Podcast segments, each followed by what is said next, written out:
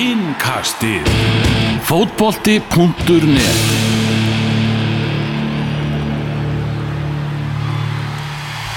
Einu sæl og verið velkomin með okkur í innkastið. Svartu sunnudagur, hann að baki og bara svarti dagar í landslýsboltanum um þessa myndir og samkomubann ofan á það og þannig að það hefur verið bjartara yfir okkur, óvægt að segja það. En þá voru það Dominos Pizza og White Fox styrtaræðar þáttarins sem komaða til bjargar á, á erfiðum tímum. Elvar Geir heiti ég, Magnús Már er hérna með okkur kærleiksbjörnin þannig að það kemur kannski einhver jákvæðni í þessa umræðu. Tómas Þór Þóruðarsson er einnig hér. Uh, við ætlum að fara yfir U21 áslansleikinu eftir. Við ætlum að byrja hins vegar á A-landsliðinu. Ísland er með 0 stygg markatöluna 0-5 eftir að hafa tapað gegn armenum í kvöld eða í dag. Uh, armenar bara einfallega unnu þetta verðskuldað Maggi, má ekki bara segja það? Jó, það er bara orðað sönnu fyrirháleiku var uh, bradur, það gerist lítið þar en hérna, byrjuðum þetta ágætlega? Já, á ágætis kraftur svo hérna tók Armandi kannski aðeins uh, vörnaði þessi til lok fyrirháleiks en, en síðarháleikurinn þessi tvö mörg sem Armannir skora náttúrulega uh, gera það bara vel á meðan að það stendur ekki nefnir stein í Ísleiksvónlanum í miður, það var ekkert að fyrir þetta í sónalínum í, í dag og, og það er áhugjörni líka veist, fá, hvað, er þetta ekki elli og hotspinnur og Ísleikanarslið hefur þekktir að vera gott í fyrstu leikadröfum og ein hotspinnan sem ógnaði eitthvað markinu var þegar boltin að gefa út á Arafrey, fyrsta hotspinnan. Það var aldrei þannig að er að vinna fyrstu annar bolt í tegnum og, og ógna markinu okkur ráði og, og það vantæði bara alla sköpun og gleði og greitu fram á því, því miður. Vantæði bara trú í leikmannar getur skorað. Spurningin hefur verið, Tóm, hver er að ég að skora mörgin? Uh, Gilvi Já, hann er ekki með. Nei, já, Hann hefur oft gert það í þessum, þessum leikjum já að hann hefur eiginlega alltaf gert það í þessum leikjum sem að er náttúrulega, er, er gætlega við þetta. Þú, þú veist eins og við vorum að ræða þetta, ég og Maggi vorum að horfa á leikin bara þegar leikunum fór á stað, það er svo skrítið að horfa á leikinum á svona hver er líklegastu til að skora fyrir okkur fyrsta marki og maður hugsa, hm, kannski Kári? Já, ég segja það, veist, það hef, þetta hefur verið Gilvi sem hefur dreigja okkur landi í, í erfiðum leikjum. Með, Alfred, með hverju snild, uh, Alfred já, þegar hann datt hann í, í gýrin og fekk tröstið eftir þannig að við erum að tala um kannski upp á síðkasti eftir að, eftir að Kolbeitt svona raun og veru fjall og skaftinu þannig og, og ef það er ekki þeir þá hefur það verið uh, hafa það verið Raggi eða Kári veist, hérna, úr, úr förstum leikandinum mm. þannig að hérna, hörðu Björgun dúkað upp um mark og þú veist svona hinn er og náttúrulega með reysa marka mútið Króti á sínum tíma en, en, en ég meina veist þetta er samt ekkit, þetta er ekkit nýtt ég meina við mörkin eru svona einmitt úr förstur leikandriðum og, og veist Birkir á sínum tíma dúkað upp með mark hér og þar og þú veist Arnór Ingu með eitt frækt mark og svona en annars hefur þetta bara verið Gilvi það er ástæði fyrir því að, að Gilvi og Kolbjörn Sigþórsson eru komnir upp að hlið eða smára yfir, yfir markaðastu landsinsmennina og hérna, þetta er ekkit, nýtt vandamál, vandamáli hefur bara ekki verið svona ríkjandi því að, því að Gilvi er eiginlega alltaf með sko. Já, þess að stakk mann kannski mest í dag.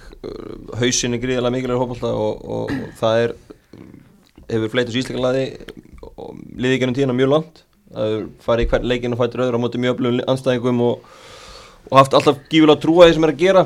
Og manni fannst trúin á því að vinna Armenju ekki vera jafn sterk og hann var þegar að mæta Englandi, Hollandi. Það var miklu minni trú einhvern veginn á verkefni í dag eins og við talum að skora mörk og annað. Það vantaði bara allan vilja og trú. Og maður velti fyrir sér þegar að Dominik Soboslai stakka rýting í hjarta á Ísleiku þjóðinni í, í, í november Mhm. og leikmenn lágu eftir í vellinum grífild áfall, ná ekki að fara á stórmóti þá. -hmm. er það ennþá að trubla minn að ná menn ekki gýra sig upp í enn eitt verkefni? Veist, það, það var, veist, menn tölum að þetta væri mögulega síðast Já, dæmi á gamla bandinu og allt þetta. Menn greta á vembli eftir að spilu þar heldur vera hverja landslið, svo eru allir að spila aftur.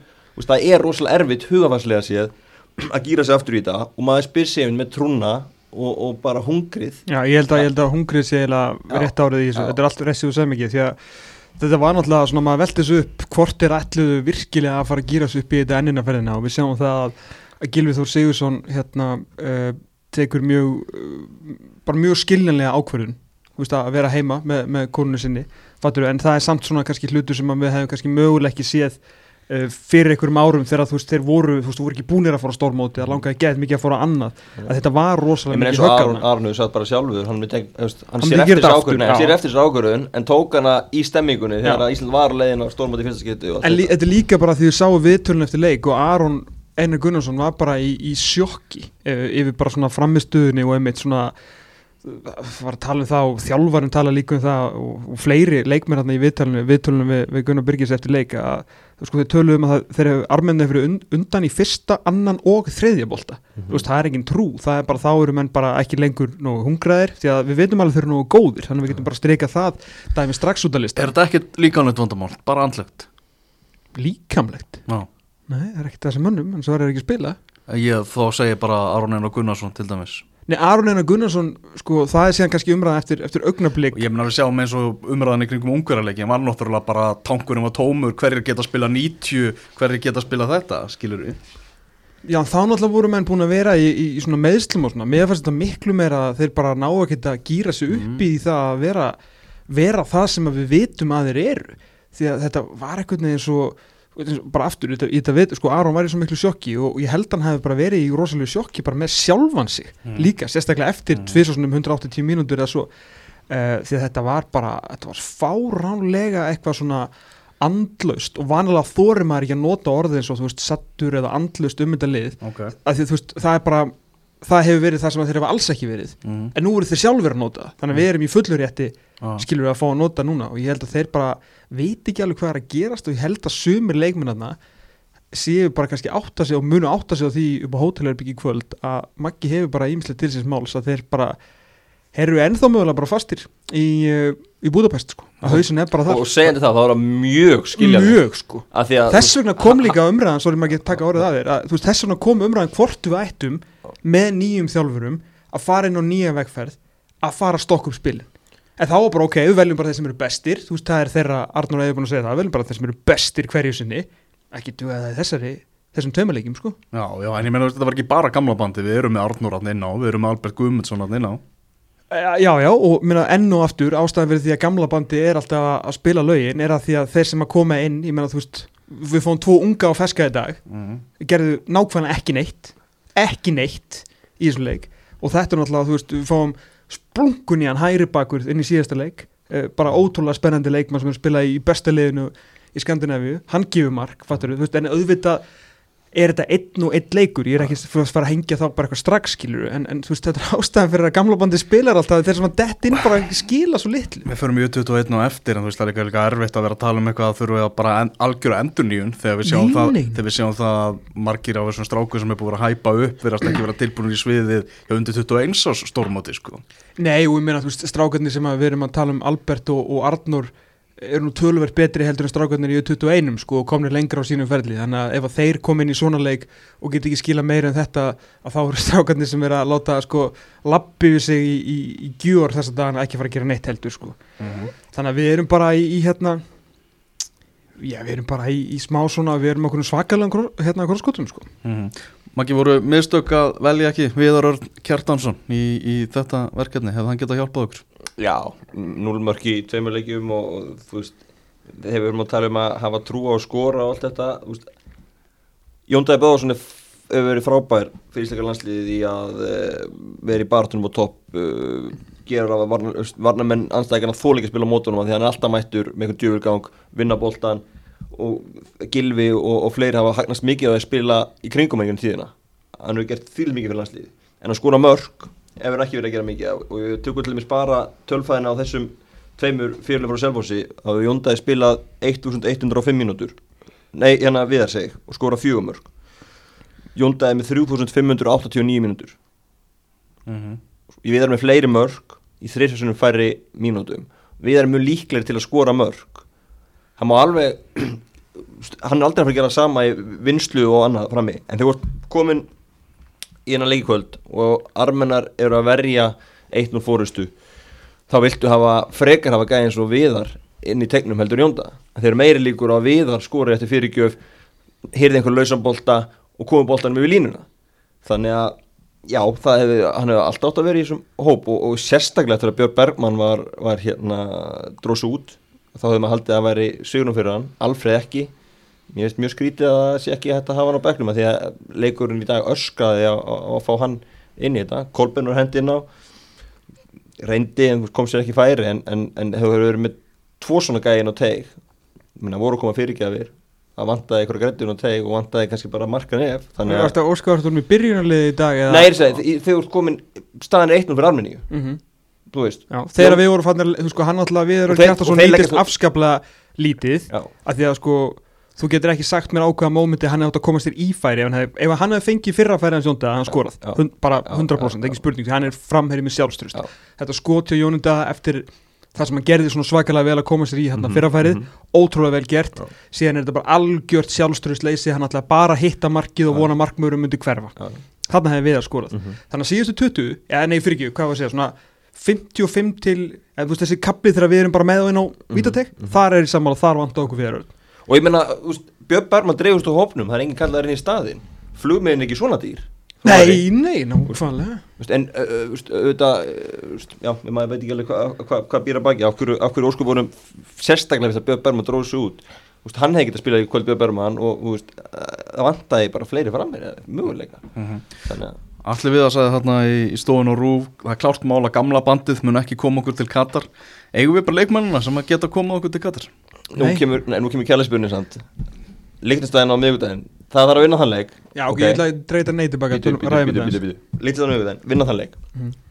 Svo eru næstu leikir í september Mhm. Tveir vinnundaleikir í júni sem hægt er að prófa heitt og þetta Já, já. Svo eru leikir í september Það er Rúmenía, Norður Makedónia og svo Þýskaland, allt á heimaðli Tveir leikir í oktober Armenía og Liechtenstein, báður heimaðli Það eru við- fimm við- heimaðleikir röð eftir Liechtenstein. Þetta er ekkit flóki, við þurfum bara að vinna 7 af 8 leikjum. Já, být, og, og þannig. þannig verður vonandi búið að reyna, já, maður má ekki vera á bjassin þessu en bólefni, það sé nú kannski hægt að hafa áhörður í stúkunni og, og reyna að fýra eitthvað upp í þessu, fá tólfuna með og, og gera stemmingu, sko samt ekki, ekki fagna strax í þeim öfnum, en, Nei, nei. en þetta er september og oktober, fimm heimalegir röð. Lögataslur hefur víi þú veist, ef það er hægt að fýra eitthvað í Arna talaði með Vitali Arna við þess að þetta er jafnrið og ég gæti alveg trú við sáum að armennin eru veist, tek, ég vil hrósa þeim líka, þeir voru flottir. Og líka þeir- þeir gætu, sko. Makedónia, Armenia, Rúmenia þessi lík getur verið að vinna hvort annað alveg á víksl við skulum ekkert glema því, menn Rúmenan runnur Makedóna þrjútu heima og skoruði í lokin. Þannig að þetta gæti alveg farið þannig að þetta verði lið verið að plokka stiga hvort öðru. En framistann í kvöld náttúrulega bendir ekki til þess en þetta er ekki, ekki farið, ég vil ekki segja það, þetta er ekki farið, ekki alveg Nei, ég meina 21 stig ef við vinnum leiktistæðin og þú veist tökum síðan alla nema, Já, já. alla nema Þískaland að þetta er allt lið sem að við teljum okkur geta ef við töldum okkur geta unni þar til að við gátum ekki skorað á móti, móti Armeníu. En, en þú veist, ég held að svona með að ég var að skoða síðustu undakefni og bara svona hvernig reyðlarnir voru uh, annars þetta er gefið umspilað ekki. Jú, þú séðan bara þú jú. veist að spilaðum eitt seti, eitt, tvö Gilvi með í september, vonum það. Að það. Leikbreytir, að Gilvi er algjör leikbreytir leika svo í kvöld þetta er leikinnir sem hann heldur alltaf. betur. Þannig að uh, vinna 7 af 8 sem, að- sem eftir eru, það verður ógeðslega meina, og en, fyrir, fyrir og við höfum eftir að fara til og- Norður og- líka bara þegar maður horfir á hvernig við höfum gengið var ekki gumma að tala um síðustu nýju leikir hvað eru búin að vinna einn? Ein, jú, jú. Já, Mhm. það er náttúrulega einu sex aðeldarleikir í þjóðlildinni sko, við reynum að taka orða hinleina pinnum, við reynum að vera jákvæði í þessu, það voru erfið, erfið leikir. En Gilvi líka, því nú talum við var ekki kvöld. Það er líka munar Að mér fannst, mér fannst hospinnar ekkert lélegar. Mér fannst bara að þú veist að vanta að vilja, já, já. Bara viljan í tegin en þú sko. er best bara eina betri spinnum en við enn skúrústin þannig að við myndum alltaf taka það frekar að hafa hann til Já, hætti henni já. í þessi svæði. Þannig að, veist, Ég þú veist, það var ekki, reynum það að- var ekki reynum að- eitt kröftugur skalli að marki. En þið vildi fá eitthvað ákvæðni, ég er búinn, ég vil að bara aðeins svona reyna að blása eitthvað svona, en, þetta er, en það var að vinna hann leika á miðugudaginn, það var nú að byrja á því og það er nú, það er engin gilvið þar og, og það er hérna þar að skúra mörg. Ég skal bara viðkjöna það núna Ég, ég er skítrættur við þennan lítast Ég fór ekki inn í, inn í þennan landslíka glugga hrættu við Lichtenstein Nei. en með, eftir þessa framistuðu eftir sjokkið sem hann sá á andliti eh, landslíksfyrirlegans eftir þessa framistuðu og bara það að liðið hefur ekki verið svona langt niðri svona út af hverju svona það var meira sjokka móti Ungverjalandi en þar voru samt í leik um marmarakúlur skilur Mhm. þetta var bara annar leikur í undankeppni og langu vegur eftir sko Það var líka leikur sem að fór bara frá Íslandi semstu 5 mínútur. Þetta það var ekkit, að- að, þú veist, 80 og 8 mínútur var alltaf að framist það, það var ekkit að því. Að, en, en þú veist, í kvöld var bara svo mikið að og, og hérna, Ég meina, þú sér bara þjálfari, þú veist, líktistæðin er bara að fara að setja mynda döbrum andlindum íslendingana upp á, upp á töflu og bara, herðu, þú veist, ef við ætlum einhvern veginn að vinna Ísland, reyndar aftur, að hérna, að þá, þú veist, er það núna, sko. þannig að menn þurfa að vera helviti fljótir að að rífa sig í gang fyrir Það þann er leik. bara leiðilega stutt síðan unnu Ísland síðast að- vissulega, vissulega sko. Það var gamla bandið ekki? Það var fyrir tíma gamla það var gamla bandið. En við kíkjum aðeins á þessu mörg, þessi tvö mörg sem við fáum á okkur uh, 0-0 í háluleik, svo skoraðar þessi tíkaran Barsekian þarna á 50 Ég var honum, Já, það þú- er- spilari. Og allir við að Björnsson talaði um það um þetta, hann hefði bara verið bestileikmaður liðsins á móti líknastæn og var alveg magnað að hann hefði bara fengið að koma sér í þessa stöðu. Já, hann var ógnandi, hann var komið Arek fyrir guld, þetta er bara sjö myndur fyrir að bróta á honum og hann var uh, átti þessu skotan með tegi fyrir hálfleik og það var gett mikið út á hann, mikið þú tærið veist, náttúrulega ekki en- með þú veist, og, talandi um gamla bandi og verið eitthvað, þú veist, vondu við Alfons fyrir að hafa fengið á sig hérna annar marki eða átt stóran þátt í öðru markinu á móti, móti Þýskalandi og hörðu Björgun einhvern veginn næri ekki að læsa þessari vinstri bakkar stöðu því að Aref fyrir Skúlason, þú veist, 86 mótil neytar einhvern veginn að 87 87 mótil fyrir ekki, neytar einhvern veginn að, hérna, að hverfa. Eh, hverjir alla sög á þessum mörgum það eru mennirnir sem spiluðu alla fimm leikinu á EM 2016 bara tveir bestu, fyrir tveir af bestu leikmennum í sínum stöðum í sögu íslenska landslæsins Ari Freyr leifir sem komast einhvern veginn á vinstri fótinn. Markurinn sem varði frá Messi. Bara, þetta, bara, þetta er með því slakara sem ég sé frá Hannes Þór Haldurssoni hann getur tekið auka skref út. Þetta var allt vond við þetta. Hvert var, hann vissi að skoti gæti komið á eitt stað uh, og þetta var, þetta var rosalega slægt hjá honum. Setna skotið er mjög gott. Það er Birkjum og Sæfarsson gæðin sem bara stoppaði Di Maria og búin að gera allt þetta. Og ég veit ekki hversu oft við höfum verið hérna bara einhvern veginn dansandi og syngjandi við Birkjum og Sæfarssoni þetta var bara, þú veist, var varnarleikur sem myndi ekki fungera í, í lengjubíkan hvað fekk gæin marga metra til þess að mynda sér þetta skotfæri? Þarna bara Birkir Már og Ari Freyr tveir af svona til að nota ennska orðið stalwarts af íslenska landsliðinu í gegnum tíðina sem bara gjörsanlega klikka uh, besti markur í sögur landsliðis klikkar í fyrirmarkinu. Þetta er allt saman gamla bandi sem að er að klúra þarna sko. Mm Það er um gamla bandið að klúra, Mark 2 menna Aron Einar náttúrulega bara fellur hérna bara niður og arminar í svo sko.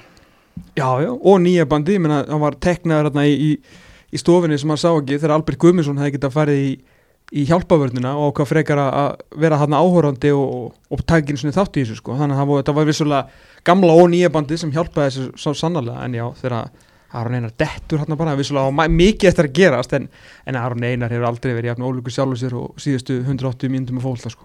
ah, sem í voru bara í varnamenn það var das og, og það sem armenn er mm, Blokt 7 já, það sem að segja með armenn að þe- þetta var svolítið íslensk aðferði láttunum síli, þeir voru með baráttuna, vörðust vel skyndisónir, þeir voru bara flottir í því sem þeir gerðu og gerðu það vel. Það er enn- ennublega svolítið fyndið að hérna Arna Gunnlaug sem nú er búin að taka tvær HM stofur, eða fyrir ekki, jú HM stofur mm. í það að tala um að Ísland verði að fara að uppa svona sinn leik að fara að spila meiri fótbolta, meiri possession, betri pressu og svona að fara að elda aðra þjóðir. Alltaf þróun fótboltans sem Elta, norða ja, elda þróum fótboltans. Á sama tíma og á sama tíma hefur hann þú veist, hvað kom okkur á þann stað sem að við vorum, erum. En það finna er að svona heimliðin sem eru sem að við lítum á sem eitthvað smáríki Luxemburg, Liechtenstein svona, og við svolítið Luxemburg spilar fína fótbolta en, en grunngildin hjá þessum liðum sem eru að reyna Georgi menn voru yfir á móti Spáni hálfleik í dag já, að gera eitthvað að ná okkur um úslitum þau eru svolítið elda okkur að vera bara þú veist tilbaka og hérna. Þannig að ég veit ekki, það er síðan kannski ég veit ekki hvort við ætlum að taka í, í þessu poti eða, við, hérna, eða ekki, hvort við ætlum að fara elda þróun fótboltans þú veist, til að ég veit ekki, en hérna. Já, við þurfum alltaf að komast nærði því. Ég er alveg saman Arnari í því sko. Já, ég, ég meina, veist, Ísland var þegar best gekk. Heimur landstöluðum að mm, fullt aðtrið með fótbolta en, en veist, Íslandin gáttu verið bestir í ykkur gáttu verið bestir í fyrstu leikatrið gáttu verið besta hugafærið mm -hmm. gáttu verið besta varnarleikin veist, og þau voru bestir í þessum ná en í þetta er ekki lengur til staðar. Veist, þá þarf að mynda að spyrja sig veist, hva, hvaða leið á að fara í þessu. Mhm. og, og, hérna, og ég er alveg saman Arnur í þú veist, auðvitað þarf að þetta virkaði þarna með þessa leikmenn með þetta leikkerfi, nú komið lít leikkerfi einhver nýju leikmenn komin inn veist, hvað virkar best fyrir það hvað virkar best fyrir þennan hópa á þessum tíma? Er, það, er það sama eða þarf að en er ekki Það allur okkar besti árangur í sögunni náðst á varnarleika? Jú, jú, jú, jú. það er byrjunum alltaf þar, að sjálfsög Já. en, en, en er að tala um að halda betur í boltan og ég menna það var ekki gott í Þýskalandi, ég held að allir samanlega í fyrriháleika að tengja saman 60 sendingar þú veist, Svaka þú vinnur aldrei fótballleik þannig. Veist, það, það er eitthvað lígi, líginni líkast veist. þegar Ísland var upp og, ok hitlið hafði possessionið en það var alltaf að tengja nokkra sendingar á, á milli sín, mm Mhm. það, það var alltaf komið spilkablar en, en, en svo á móti Þýskalandi fyrirleik var alltaf ekki neitt sko. Mhm.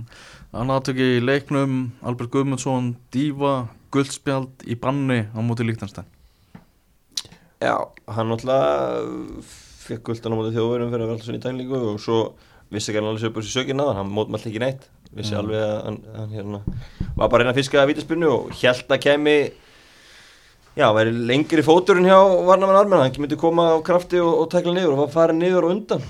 Og hérna, þú veist fyrstu sín nú, loftkamerunni, þá held maður að þetta væri jafnvel víti, en svo samar þetta undirsynningu og þetta var það er eiginlega óþægilega vel dæmt sko. Að ég öskraði bara víti því að, að, því að hann fer klálaði með fótinn inn í hann eða svona þannig en það er samt ekki snerting.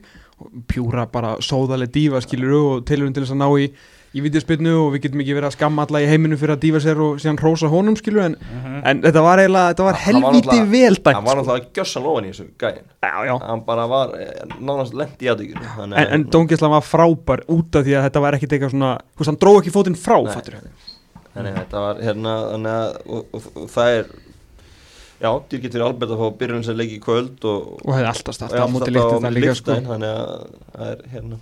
Og það leiður okkur kannski því sem við vorum að ræða á áhænalvar hvort að Jónda hefur verið kallaður upp. Já, hún hluti einn.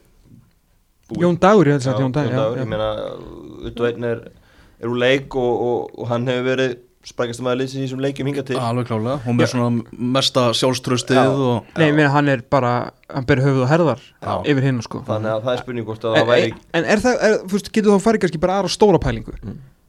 Er Arnar þó Viðarsson, þú veist, er hann í kærleiksbáksa fræðinni, þú veist, er hann að hugsa upp á um sjö sigra af átta upp á annarsæti þá og, og reyna að komast í umspilið sem að er þá, hvað það er ekki að vinna þrjáleiki þar í viðbútt til þess að hérna, þú veist, að löngleið Mm. eða bara byrjar einmitt vegferðin að einhverju kvót on kvót nýju landsliði á miðvikudaginn Mhm. væntalega ekki en, en þú veist Alfons, Albert, Arnór kalla Jóndag upp skilur við, ég meina þetta er líkunar eru ekki með okkur eftir þetta en Nei. vissulega væri þetta algjört innan svega hvítahangla ef að við fyrir að spila á okkur ef að bara þú veist Alfons, Arnór, Albert, Jóndagur vera allir í liðinu sko, Mhm. Rúnar kannski í markinu Já, þú veist og já, þessi endur nýjun gamla, þú veist það er rosalega auðvelt fyrir marga að segja bara, heyrðu við viljum bara gamla bandið í burtu en það þarf einhver að geta trompað og komið í staðinn. Hárrétt. Það er nefnilega stóra málið í þessu. Og það þarf einhver, einhver endur nýjun klárlega að eiga sér stað og, og ef, en, en nú er samt gamla bandið ekki í þessum tveimur leikjum hefur gamla bandið ekki verið að spila það vel að aðrir geta ekki fengið tækifæri til þess að reyna að trompa það aftur sko. Nú eru þeir svona Mhm. svolítið sumir hverjir að spila sig spila sig í þannig stöðu að yngri menn geta fengið þá þriðja, fjóraða, fymta tækifæri til þess að taka stöðuna þeirra þeir hafa alltaf bara ítt þeim og sparkaði þeim alltaf í burtu sko.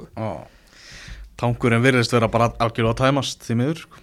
já, svona ég hugafastlega allavega Já. en auðvitað er, þú veist, það er ekki svipri og sjón að sjá Birki Bjarnarsson spila fótbolta fyrir íslenska landsliði svo þetta við hefur verið Aron Einar, ég meina ok, þú eini sko eini þjálfarnittinni á okkur lefili er Magnús Már Einarsson uh, sem er náttúrulega bara að ég er svolítið að breyta leiknum í lengi dildinni með Maggiból upp í Mósa uh, um það tala og eftir því tekið. ég heldur betur. Aron Einar Gunnarsson Já, einn handa fyrir framann, er þetta að virka? Nei, það sem er líka kannski mesta hann er þú hefur tvo daga, eða þrjá daga til undirbúið fyrir leik. Mm þú tala um þá já. og bara nýr þjálfari og, þú og ætlar að skynna kerfi þú veist, þú tekur alla, alla görun og gamla bandinu með Mhm. en ætlar ekki láta þá þú veist, á þessum aldri búin að vera í þetta, landslið núna hvað í tíu ár flestir saman, Mhm. fara að gera eitthvað annað Mhm. Þú veist, er það þú veist, er það rétt tíumbútin í það þú veist, vináttuleikur æfingavika, eitthvað þú veist, það vantaði miklu meira aðdraðanda að þessu þú veist, til að þetta myndi ekki að En var ekki erfitt fyrir Arnar að mæta þetta inn og segja, herru, hérna, mín filosófía er 4-1, 4-1 jú, jú, en að því ég hef ekki nægan tíma þá ætlum við að halda okkur í 4-2-3 jú, jú. Fjórir, fimm, en, eitt, hvað en, en, en þá á sama tíma koma með gamla bandi tekur alla þar inn þú veist, sem að ja, þekkja, þeir eru búin að gera þetta Já, nú er grunni- ég er ekki að að endalega um einstaklingin. Aron skilur en funka, jú, í raun og veru er Já. svona bæði og Já. að sitja þarna eitt fyrir framann ég held að hérna fyrir fimm árum hefði það gengið betur og þá aðalega því að tempóið á leikurum í Champions-dildinni er miklu hærra heldur en nokkuð tíman í Katar. Og hann yngri. Og hann yngri. Og, og hérna við náttúrulega erum að horfa upp á það ég og Ella fórum hann og horfum nú að leikja hana í, í Katar í fyrra, nei, við árum. Já, og þar á Vesli Snæder frábærlega maður, Mhm. svona 10 kílóma þungur á miðjunni. Mhm. og uh, með fullur vinningu, ég veit að þetta er annað í dag og ég veit að þeir eru að að bæta fótboltan og allt það og ég veit að þetta er á uppleið og allt það en þetta er ekkert sama tempo og Aron Einar var í Champions-dildina sem að leikun er á 100 km hraða leikir upp og niður og, og mikið aksjón, þetta er hægara og, og bara skiljanlega því menn þetta er bara annar, öðru sér fótbolti. Allt öðru þessi kúltúr og, og, og, og svo að, ég held að sjokki sé talsvert að koma úr deildarleik þarna í landsleik. Ég held að sé mikil munur og ég held að Aron sé svolítið að reykast á þann veg að, að hérna hann er ekki að fá ja, marga krefjandi leiki ári og En heldur einhver annar í þessu liði að það geta valdið þessu? Segjum bara Guðlega Viktor sem að við fengnum mikið hrós fyrir svona síðustu Já, framistöðu við, við, við sáum miðun og nei, við, þetta var bara líka erfitt á mótið þjóðurum, frábært lið en, en, en þeir virtu svolítið týndir í þessu kerfi Mhm. allir saman, þú veist hver, hver allaði hérna hver átt að vera hvar og annað, þetta virtist þeir virtist ekki, íslenska landsliðið það sem hefur ennum tíðan haft í íslenska landsliðin að vilja upp á tíu, hvert hlutar hver er hvað gerist í þessu scenari og hvað gerist í þessu scenari mér finnst það ekki að vera í þessum Mér það er ómörg mómenta sem að menn er ekki alveg í, í takt í, í, í hérna fæslum og, og öðru. En hva- hvaða leikmenn eru það í gegnum tíðina sem hafa verið svona að taka upp svo bara bara einn? Þú veist hvað er að sjá í dag? Þú veist N'Golo Kanti, Wilfred Ndidi. Ég man eftir Hafi Martínez á sín tíma þegar hann einhvern veginn breyttist vera hann eitt fyrir fram að hjá bæði munn hérna og hann var eins og hann væri bara eins og gameskip hann var svo stór, hann tók svo mikið svæði og þú veist, þetta eru svona einhverjir le leikmenn sem eru bara með eitthvað ótrúlegt engine, þvílíkt power á hátindi sinna ferla sem að gera þetta og Aron er einhvern veginn ekki þar. Nei, og ég er heldur ekkit vissum að og ég er alveg 100% vissum það að engin annar liðinu geta spilað þessa stöðu Nei. eins og liði var að spila þetta kerfi nei, nei af því að hjálpin síðan frá hinum tveimiðumönnum var bara sko. Arn hefur frábær í gennum tíðin og oft hefur hann tekið leikja sem hann tekið á gjössan lifir og þú seint allar þessi skítavinnu og stundum hefur mismöndi hverju verið með honum, stundum hefur Gilvi verið með honum miklu hlaupagetu, Mhm. þú veist stundum var Emil Hattursson með honum og þá var meiri fótbolti en hann les leikin frábærlega Já, Hjálpaði ja, honum, hann- skil- skilur, algjört, ertu algjört. góður í þessu. Birki Bjarnar sama, þú veist fyrir, Birki Bjarnar fyrir kannski 5-3 árum var hann, hann var stundum við hliðan á Mhm. og alltaf gekk þetta að því að þeir funkuruðu saman veist, hjálpuðu hvort hann upp Mhm. og, og, og annað en, en veist, þetta hefur ekki verið í semstu tveimleikum, það hefur verið allt og mikið, mikið versin á, á hérna miðsvæðinu og, og, það er ágefni að, menn sé ekki og ég meina, kannski er þetta bara þannig og verfitt að fyrir þess að leifmenn að fara allt í una í þetta, veist, við Mm. erum meira verið í fjóri, fjóri, einn, einn, gila fyrir framann Ja, einmitt. Þú veist og, en, en nú er komin í fjórir, einn, fjórir, einn og það er, veist, já, verðist vera aðeins Mhm.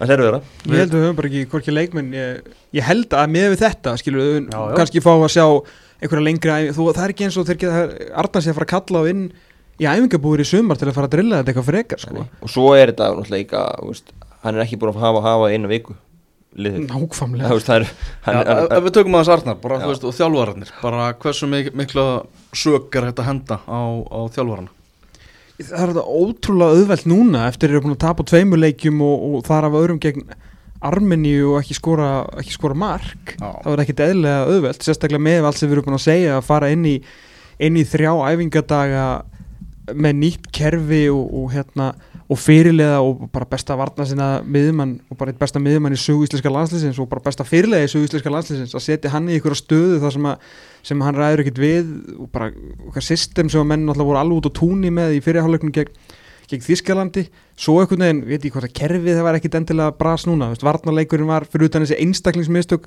bara fýtt sko, bara Mhm. góður að flestu leiti á meðan að menn nýttu ekki möguleikana sérstaklega í fyrirháleik sóknarlega sem er kannski meira svona execution á vellinum heldur en eitthvað endilega Arnar Þór.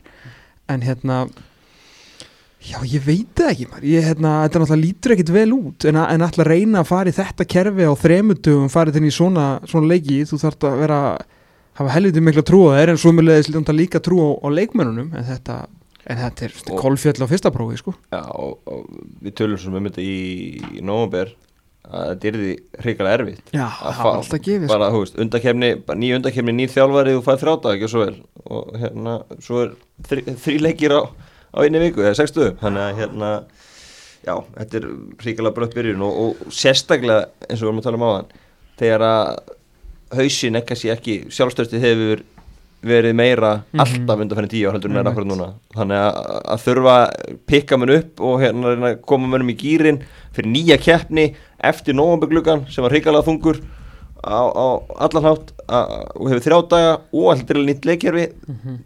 rosalega erfitt. Mm -hmm. eins og var hérna erfitt að horfa upp á hann leiki í dag þá var samt gaman að sjá áhörundur það verður að, að taka það fram. Bara... sérstaklega líka svona austur-evróska áhörundur og eitt þúsund smitt í Armeníu í dag. Já. samt voru þeir með fjögur þúsund manns á vellinum sem segir okkur að þeir eru, eru, eru alvöru alvöru austanblokkamenn sem er ekkert að viðurkenna svona bull eins og eitthvað COVID. Menn, menn með, með síkó menn að gefa fæf, menn bara nánast að kissast mm -hmm. og hérna hveikt á blísum hveikt á blísum, ég skil vel. ofan. já, það var allir pakkin þetta hjálpaði ég er ekki vafið það? Ekki spurning, og ég skil það vel að, að hérna, hinn aldni Lars Lagerbäck hafi verið geimtur frá þessu ef hann er ekki komið pólhefni því að hann hefði bara held í dáið þarna í arminu í kvöld sko. Og ekki að við vilja það. En sáðu líka bara hvað hérna, þetta skipti þá miklu máli og hvað þetta, hérna, ég vil til að nota þetta orð enn og aftur, gamla bandið er búið að vinna sér inn þú veist, hvað er búið að koma Íslandi hátt á korti að, þú veist, arminski þjálfverðin þetta var bara eins og hann hefði verið að vinna Brasilíu sko. Ah. og, og áhörfundur þeir voru ennþá þegar Haugur Harða tók ég veit ekki hvað var hálftími búin að háamstofunni þegar það var skipt hérna yfir á hann -hmm. og þeir voru ennþá í stúkunni að syngja og hérna og öskra stundismenninni sko. og tóku vikingaklappið salt í sárin. Oh. oh. betra þeir en viðsand Hefur þið einhvern að gjöf fókbalta.net þetta er 4-5-6, það eru tvei leikmenn sem fengur 6 einhvern, Jói Berg og, og Kári Átna þeir sem fengur fjóra. Hannes í markinu. Það var eh, Aron Einar Gunnarsson fyrirli Arnór Sigursson og eh, Jón Daði Böðvarsson sem að fengu hérna lagstu einhvern sem að, sem að gefin var fyrir þennan leik? Uh, er þetta ekki bara svona nokkuð tæmt, við þurfum bara að spjafla aftur eftir líktanstæðanleikin Jó, kannski bara áðurnu lókum sjálfveg, menna það er líktanstæðan við múum tala um að Albert er í banni, við viljum vantilega Er, er, er vita hvað var að rakka? Var þetta alvarlegt eða bara stífur? Hann fór eitthvað kvarta í uppbytun og læknir fór eitthvað ræða við lækni og það var bara hann off. Það er mjög stólilegt á þreymur dögum sé það eitthvað sem að sé að fara að lagast þannig, þú veist, ef hann ekki klári í dag þá sé hann ekki klári til þróttaðar, sérstaklega hann ekki búin að spila mikið þessu árið, þannig að ah, Hann er vist bara með allt innbúið sitt, bara með sér hann í þessari færð Hann er, þetta Úkræn og ævindir hans stendur eitthvað stutt yfir, sko. Já, ok. Hann er á leiðin eitthvað annað. Fylki? Fylki, ég veit það ekki. Það ekki hann Nei, ég varst að maður komið heim. Eh, Hérna, nei, ekki séns. En, uh, hérna, hvað Hundavegir, slá bliðinu uh, Já það, þetta er náttúrulega, ok, þú þarfst að segja mér fyrst hérna hvort við ætlum að, að hjóla í eins örugan sigur við getum eða hvort við ætlum bara að fara að prófa nýtt. Að því að byrja þá strax bara í markinu sko. Ég held þessi nöðslega bara að stilla upp eins góðu fókbaltilega okay. og hægt að stilla upp á meðugudagin Há er hann þessi markinu. Uh, Birgir og uh, Hörður Birgun kemur á þeirinn uh, Sverrir vantala, ég menna hann leitt bara svaka fitt út og bara í þýlikustandi hann getur allan Kári að fara að taka þriðarleikina Nei, það getur ekki verið sko. Sáðu Sveipun og Arnari Gunnlaus í háumstofunni þegar hann sá að Kári var komin inn? Þá bara holy shit. Þá, er, þá er þetta Hjörtur, það er Holmar og svo þriðimöguleikin að Hörðubörgun taki Hafsiti Já, ég hafa haf bara einhvern veginn engin liti á hann sem meðverðna ég ætla að segja að uh, Holmar Já verið við hlýna á, á Sverri uh mhm. -huh. og hérna alltaf verið mjög hrifin af, af Holmari og reynda Jónikun líka sem er undir ekki í þessum hópa af, af mjög skiljanlegum ástæðum vegna COVID uh mhm. -huh. að hérna Guðlu og Viktor kemur vantilega aftur einn Já, uh, hann heldur sér við kerfið eða hvað? Já, ég er hérna með því, gefum okkur það bara Ok, eh, er Aron að fara að spila þriðarleikin? Nei Guðlu og Viktor fyrir framann eh, Rúnamár og Guðlu og Viktor voru svona nýju gaurinu í síðust undakefni mm -hmm. valla konum við sögu hinga til eða þú veist í þessari kefni er það ekkit ekki Rúna Máru og Birkir á miðunni uh, Arnur, nei, Arnur sig kannski aftur og fá kannski annað tækifæri því er ekkert að vera að kippa munum alltaf út við standa sig spila 56 á hann að, já, segjum Arnur sig og, og Rúna Már uh, með uh, vonandi að Jói geti. Vonandi að Jói geti tekið Hann spila 75 á hann Kreista 60 úr Krista honum. 60, já, Já. byrja hægra megin Jón Dagur bara beint í starti Jóndagur í starti já. Ætla Arnur Yngvi byrja ekki ef ég kalla á Jón Dag? Mm. Og Jóndagur þá fyrsta skipting Fyrsta skipting, já, Já, og- Tekur hálftíma á móti Jóa. Og Kolbett jafnvel byrja fram með það geta Krist 60 út úr honum.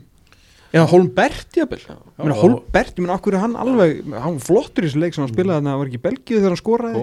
Hann að finna marki Hann var með tölfræðan þetta fjóru landsleiki þrjúmark fyrir leikinni kvöld. Já, segja bara Holbert fram í en, Já. en aftur á móti, við fórum inn í þennan leik í dag ég veit að það var stutt á myndi leikja og það voru eitthvað meðsli og svona en það voru sex breytingar á byrjuleginu hversu óíslast er það? Það er rosalega óíslenskt. Við náðum alltaf sex skiptingum með sko leikjónum á EM 2016 Náði ekki. Nei, ég er að menna sko meira að segja in-game skiptingum. Nei, ég held að ekki, ást, ég held að ekki alvöru? Nei, já, var þetta ekki bara alltaf saman Svo bara þrý fjóru varamenn? Bara þetta var Teodor Almar, þetta var Arnur Ingvi veist. Emil. Emil. Já. Já, þetta var sem já. Eiður? Já, já, já. Var- Herri, vindum okkur yfir í undir 21 árs landsliði sem er leik sem Já, annan þá leik. getur nú tekið gleð okkar. Já, ef það væri þannig. Danmörk komið yfir á 50 mínútu skora annað á 90 mínútu game over. Uh, Sveitnar og Guðjónsson klúraði víti hérna á 39. mínútu og ok bara, Er Þorkjell ennþá að lesa upp ættfræðina þarna? Já, ég held það ef að ef að já, bara heimin og haf millir þessar tvekjalið Já, en við fórum samt inn í hérna, Davísnórið gerði til dæmis það sem að uh, hinn, þessast aðlandsistjálfurinn gerði ekki og þegar hafa bara bakkað þarna, það var reyndar áfram bara með 4-1, 4-1 en liðið sem heldsinni fór samt tölvert aftar mm. á, á völlin og hérna þannig að, eh, en síðan náttúrulega mörkin er náttúrulega bara er ekkert eh, er ekkert slis, náttúrulega viljum náttúrulega bara lítur hyllil út. Æsli að flauta á leik á Rángstað Já, rángstað, ég meina ok, það er rángstað og ég meina þú veist, það er auðvitað náttúrulega bara að þetta marka á ekki að standa en Viljum lítur mjög illa út í þegar það er bara spilað í, í kringum hann og ekki leitt Kolbjörn Finnsson betur út þegar hann bara, veist það er enginn bara að vinna, hvað sagði Davís Norra á svo fundið hann, bara að vinna, skuldið öllum eða ykkur, já ykkur sjálfum að vinna maður á mannstöðunar Kolbjörn Birgir Finnsson var maður á mannstöðu eftir 5 mínútur. Hann er þetta skuldaði einhvern veginn, það spila ekki síðasta leik. Og bara, og mark. Já, og svo einbrann á því að skora úr föstu leikatrið og við gáttum ekki skora úr víti sem er Einmitt. besta fasta leikatrið og örugasta fasta leikadri Já, en Það er með- reyndar kom eftir er er að hérna, og, og sama líka bara, þú veist, réttilega þetta aftur til hérna, Jerevan að talandum að vinna maður á mannstuðu, Birkir og Ari í þessum mörgum og svo kemur þetta mark hérna og við erum að tapa maður á mannstuðu í, í þremur mörgum sem við erum að fá hérna uh, já, hann að Viljum létt hérna spóla í kringu sig varnarleikurinn ekki flottur Kolbjörn finnst alveg hrottalega auðvelt að sólan skotið frábært og þá var komið 1-0 og svo kemur bara eitthvað svona eitthvað fýblerismark Já, bara óskilanett mark.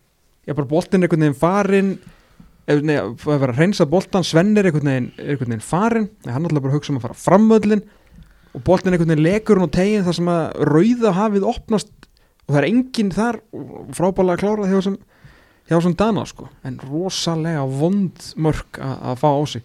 Því að eftir það auðvitað tóku Danirnir einhver leiti fótina bensikjunni og komið tvöru lifir hérna Auðvitað. eftir einhverja 17 mínútur eða eitthvað. En, en þú veist, fyrir utan það var bara var svona meira skipula og betri varnarleikur og svona á liðinu almennt sko. Já, já. En ég meira leikurinn bara tapaður. En það voru, það voru alveg moment í, í setni ágætis upplöp þannig að þegar Stefán Teitur fær döðafæri, það hefur gaman að sjá tvö eitt þar og en smá það verið gaman bara svo tvö eitt í Já, vítaspilni sko. og að reyna að gera þetta eitthvað leik þar sko. Líka enn í setni þegar Stefán Teitur skýtur í varnamannin döðafæri, öðunni bara lagt hann í hornið, tvö Já. eitt, ég menna að fá smá, smá fjöri í lokin Já, það var ekkert, það var ekkert með okkur í, í þessum leik sko Rángstað sem að í fyrsta markinu á dönum klúðurum vítinu og hann með þess að veri þetta ég held þegar hann var þetta, ég kallaði strax mark að því ég held boltinn var að koma beint á Svenna. Já, en svo skrúaðast hann eitthvað í burtu. Þú veist það var bara, það var ekkert með okkur í þessu leik sko. En sko við horfum á þetta, það var vissulega eitt leikur eftir og allt það, en menna, þetta, þetta verður alls ekki verið svo auglýsingakluggi sem að þessi strákar vonuðust eftir að, að lenda þannig í sko. Það er ekki að UEFA er ekki að fara að hendu plakkutum af þessum leikmannum bara sem stendur sko.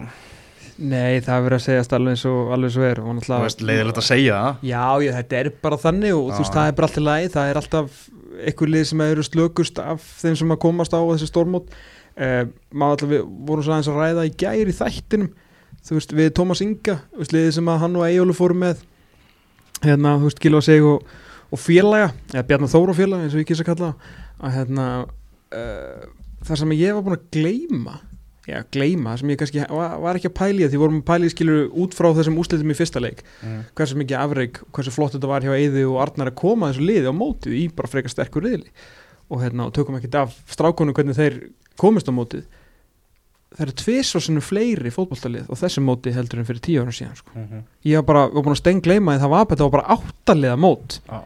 það sem að strákunum okkar og þurfu til þess að komast á síðasta mót eða fyrir fyrir tíu ára síðan að þá voru hérna þá voru uh, sagt, það var, það var ekki svona nóg að vinna riðil Nei, það voru, það voru efstu, Útspilið inn í riðlinum og einhver x mörg hérna, já, það voru tíu lið, tíu sigurverar pluss fjórir í öðru sæti spiluðu sagt um sjö sæti og svo áttu danirnir sitt sæti. Þannig Mhm. að ekki einu svona vinna riðilin var nóg. Við fórum í þetta fræga umspila sem að Gilvi skoraði mörkin, núna þú veist, eru náttúrulega tvöfalt fleiri lið þannig að líkundum voru miklu meiri svo kemur ljóstur komandinn á mótið að, þú veist, eins og Sviss sem að vann England í fyrstu umfyrinni eh, þeir lendi í öðru sæti í sínriðli á Já. eftir franska liðinu sem við höfum eftir að spila með Mhm. þeir fengu jafnmörg stig og Frakland fengu 27 stig, þeir töpuðu einum fótballtaleik og það var fyrir eh, Fraklandi Mhm. skilu, og það var annarsætist liðið þannig að við Og- kannski erum á móti mögulega allan með þessu úslit sem við kannski tróðum ykkur inn á með mikilli hetju dáð sko, en síðan virðist við vera komnir á smá vegg núna sko. Það er líka alveg- svo stórt svið. Það er svakalega riðli Já, riðillinn er ekkert að hjálpa til, Talar um sko. frakkana réttilega og hvað þeir voru góður undarkefni og, og búið að tala mikið um hvað við gera stjórnum í þessu lið og annað Þeir eru bara leiðin út Já. Þeir gerur jættefli við hérna í dag Ef þú veist, er ekki, ef þú veist, ekki jættefli við hefur ekki við rússa núna og þeir getur bara vel, verið að fara svo ef Ísland sagt, uh, þó myndi vinna Ísland það myndi ekki duga til. Nei, nei, nei, alveg- þannig að sko. veist, Danin eru konum með 60 í sín og rússan unni Ísland fekar samfærandi þannig að og, og þetta geti veist, þetta franska, franska leikir sem nöður þetta áfram þannig að það segir ímyndilegt um hennan ágæta riðil. En þú veist bara þetta á endanum verður þetta bara þessi undakefni mun gefa þessum strákum bara fullt í, í reynslubongan hvernig þeir unnu sig úr, úr erfiðri stöðu uh, síndu mikið þorskamarki þar að fara á svona mót, sérstaklega á svona tímum. Þú veist, þetta eru allt saman bara mínútur í, í bankan þetta verður því miður ekki mikið meir en það. Jón og Þorstinsson virðist að flestu leiti eini leikmaðurinn sem er svona nánast hæfur til að spila þarna Mm. sko. svona Okkur, fannig okkur spilar Andri Fannar ekki meira. Er hann eitthvað meittur en?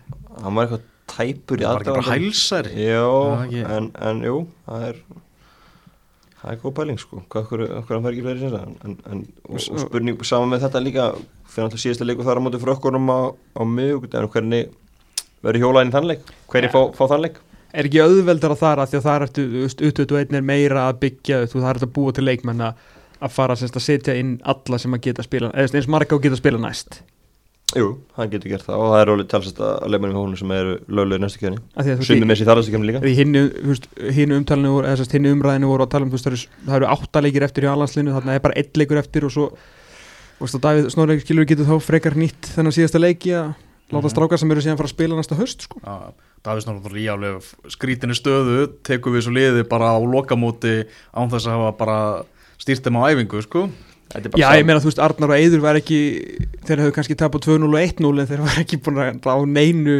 á Já. móti þessum liðum, þetta er ekkert smá gólið, maður.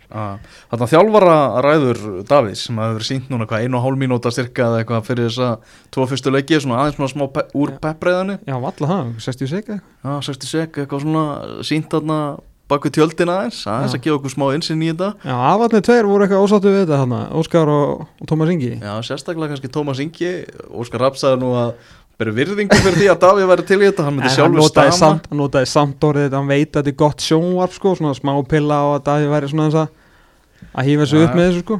Þetta er náttúrulega svona, það har ekki verið að varpa einhverjum leindarmálum hann fram í þessar ræðu, þetta er bara Þetta smá þetta er allklift 45 sekundna að klippa Já. sko.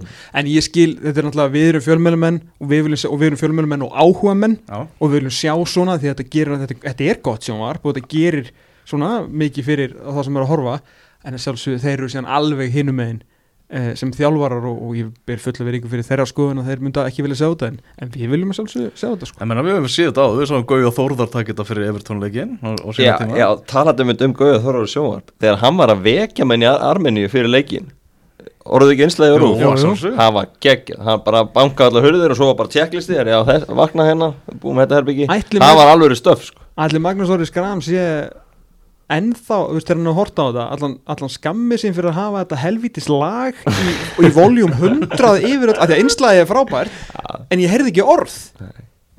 Þetta þetta er fáránlegt að vera með þetta djöfusis lag hérna yfir allan tíman sko. Fjekk Helgi Kolvið svona lenga peysu frá KSI eða hvað? hann djöfull var hann fallugur maður sko, og er, Já, já. En með þetta hár ég dúta mér er Herðu, gott. Herman Hreiðarsson, ég skil alveg okkur hann átti svona, var á svona miklu uppsvingi á sínu ferðlega þessum tíma. Sá að flottuð maður. Já, kom var skeiðandi fram og var bara allt í öll í sóknarleiknum já. og við ætlum ekki ekki Ah, en Maggi Böð, hann talaði um það á, á, á Twitter hann satt í honum að sjá þróunin á, á, á þjóðarleikvangi uh, armena frá þessu einslæði meðan svona lögadagsvöldur er nákvæmlega eins og þegar þetta einslæði var tekið upp hér um bil. Heyrðu, hérna það er bara næstu leikir á, á miðvíkudaginn uh, klung hvað er þeir Maggi? Herru, þá erum við Er ekki 16 og Ég 18 held að sé, já, ég held að sé þannig Já, Já, ég held að sé hérna aðlandsliðið að sjálfsög eftir eins og, eins og við erum við hingað til og, og þar ve- við fáum sigur á miðvikudaginn í aðlandsliðinu, ég er nú ekki alveg að bestina móti frökkunum, ég ætla að veikina það þeir eru sko þjóðunni kannski geta frá bruna heim til að horfa á þetta. Nei, Nei, já, það er 8.45 á, á miðvikudaginn. En bara- skrítið samt með þetta undir þú veist, gæðin í seríu A er ekki búin að byrja hvoranleikin mm. efnilegasti leikmaður heims var settur á bekkin uh, gæðin sem er að spila kannski á hæsta level, þú spila reglulega á hæsta levelinu byrjaði ekki í fyrsta leikin þetta er svona margt svona, svona skrítið í þessu sko. Já. Þú veist, ég treysti David Norrland til að velja lið þetta er bara svona merkilegt einhvern veginn hvernig það- ræðast upp sko. Mm og Tómas Ingi sagði nú bara fullum fetum fyrir leikina hann að vilja sá Stefan Teit út úr liðinu eftir fyrsta leikinu og ekki ótt svo heyrir menn segja þetta. Já. En það var var hann hörmulugur í fyrsta leik sko. Mm -hmm. En- Pappans aðstofaþjálfari í, í teiminu er það rétt okkur hérna ég, ég kannski bara síðastur á lestina er Jörundur Áki eitthvað tengdur Róberti Orra Já, það er, hann er hvað, fórstu pappans eða ekki? Já. Vá, ok, ég bara, Hann er sorry pa pappar í teiminu Já, Þetta er, er Davíð Snorri með tvo pappa sem aðstóð þér? það er bara einhvern veginn aðtökaskreinlega þannig Já, ég veit ekki alveg hvort á, ok Hvað það sé snöðt? Nei, ég, ég svona, er topp menn vafa lítið sko Já. og, og vafa lítið, ég er ekki topp maður sko Já, ég þekki Þór lítið sem Já, ekki ég þekki hann voða lítið, ég þekki Jöru ágætlega Já, sko. ég þekki hann er hann. algjör famaður sko Algjör Mjög íslenskt. En það var En kannski líka eins, eins íslenskt bara og Þorkell Gunnar var að telja upp alla ættfræðina hjá, hjá mönnum Já, og, ég ætla að segja með að hvað strá, allir strákandir í þessu liði eiga pappa sem að eru fúst, voru, eða eitthvað? Já, já, ég meina þú veist það er bara nánast frá aftasta manni til fremsta eru pappar, þannig að værilega gefið að einhverja sem pöppum væri komin út í þjálfum Já, bara það er erfitt í íslensku umhverfi að, að alltaf ekki hafa neina tengingar sko. Já, en ég, ég myndi Sig var markmannstjálfari þannig Já, Strákur hans alltaf Já, pabbi- já, pabbi Ekkert pappa. langt síðan, ég held að vera hvað, 2018 síðast eða eitthvað? Nei, Þannig að þú veist, það er ekkert óttið inn líka þannig að já, þetta ég held samt að þetta sé ekki sama hversu miklu toppmenn er þetta sé ekki gott í framtíðar þannig að hvort að það er snorri verið mæti með ykkur aðra í haust sko. Já, var það ekki alltaf plani? Jú, þú veist, það þetta var allan að ákveði núna ekki- þú veist, ég held að geta alveg við áfram Já, en það var allan að ákveða að græða þetta svona til að vera með bara trösta menn sem að þekkja KSI skipulæð mhm. og svo átt að skoða fyrir haustið því að þetta Já. bara jú brátt að. Þú veist að næsta lið verður náttúrulega meira liðan stafís Já, þá, þá verður bara hann kom með sinn aðstofamann eða eitthvað.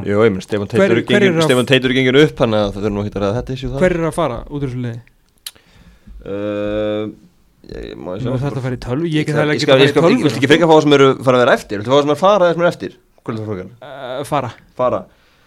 Þá erum við með Jón Dagur er að fara uh, Stefán Teitur. Stefán Teitur er að fara Alex er að fara uh, Mikael Nevel er að fara Mekkani, ok. Sveitn Árun er að fara Willum er að fara Kolbi Finns er að fara held ég, örugglega, já. Ok, en það er alveg flotti strákarinn eftir. Já, ég meina þeir sem eru sitja eftir Ísak Bergmann er eftir uh, Robert Orri er eftir Bjarki Steinn er eftir uh, Brynlu Viljónsson er eftir Andri Fannar er eftir svo voru menn sem Valgir Lundal er eftir Valgi Allir Valgir markmenn eru eftir. Valgi Valgir sem var svona 24. maður eða svo sko.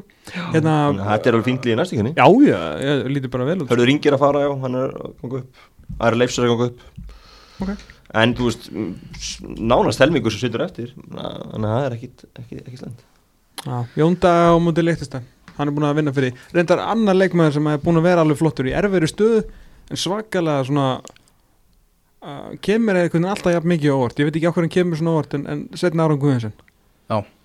hann er, þetta er svakalega skrokkur sko En bara gengur ekkert hjá honum í félagsliða bóltan Nei, ég er að segja, þú veist, hann verður að ég veit þess að segja þetta um 100.000 leikmenn sko, þetta er eins og að segja að United væri verri ef að Bruno Fernandes myndi slíta crossband sko, en hérna en hann verður að fara að spila eitthvað stær, af því að það er fullt af hann er hann ógeðslega sterkur, fáránlega góður í Hann loftinu, er með þetta íslenska element sem passa svo vel inn í okkar landslið sko. það er bara rétt sko. Veist, hann með raskati á hann sko, eins og pappans bara heil fermetir á vellinum hann heldur öllum fyrir aftar sig það getur skallan með frábæran fót veist, það er svona smá næstinis í honum órættu við að hérna að keirin í, þú veist, hann var svo margt og mikið sko, Já, já, algjörlega. Bara æfa sig hans í vitum og maður aldrei sáttir. Nákvæmlega. Það tók marki á múti rússunum vel og, virkilega, Já. og var ekki langt frá því að skora og ja, undakefnin er búin að vera Já, bara dró okkur á þetta mót. Já. Hann er alveg samanlega því. Mm. eitthvað fleiri alveg eða? Já, hérna ég var að segja að þetta er frétt núna bara uh, með, hann var spurður út í Viðaröld Kjartarsson, Arnóður Veðsson Já, fréttamannafundi, hérna eftir leik uh, Vóðalega auðvelt að koma með svona eftir á, segir Arnar. Það er þetta, umræðu kom nú alveg, alveg fyrir leikina og kom reyndar náttúrulega bara af svona mikill skildurækni þar sem að hann er alltaf spurt hverju við er því hann er alltaf á marga aðdándur sko. Já, en, hann það var mjög auðvelt að koma með þetta í, í dag. Og átti sér líka alveg rétt á sig því að þegar við vorum með það inn á teig þá vantaði einhvern alvöru pótara og hann er sko atvinnu pótari sko Nákvæmlega. Engastið verður aftur að sjálfsögð á miðvíkudaginn og þá verðum við nú allavega komni með íslenskan sigur, ég trú ekki öðru. Það fyrir ápunta í, í hús. Takk fyrir kvöldstafur. Takk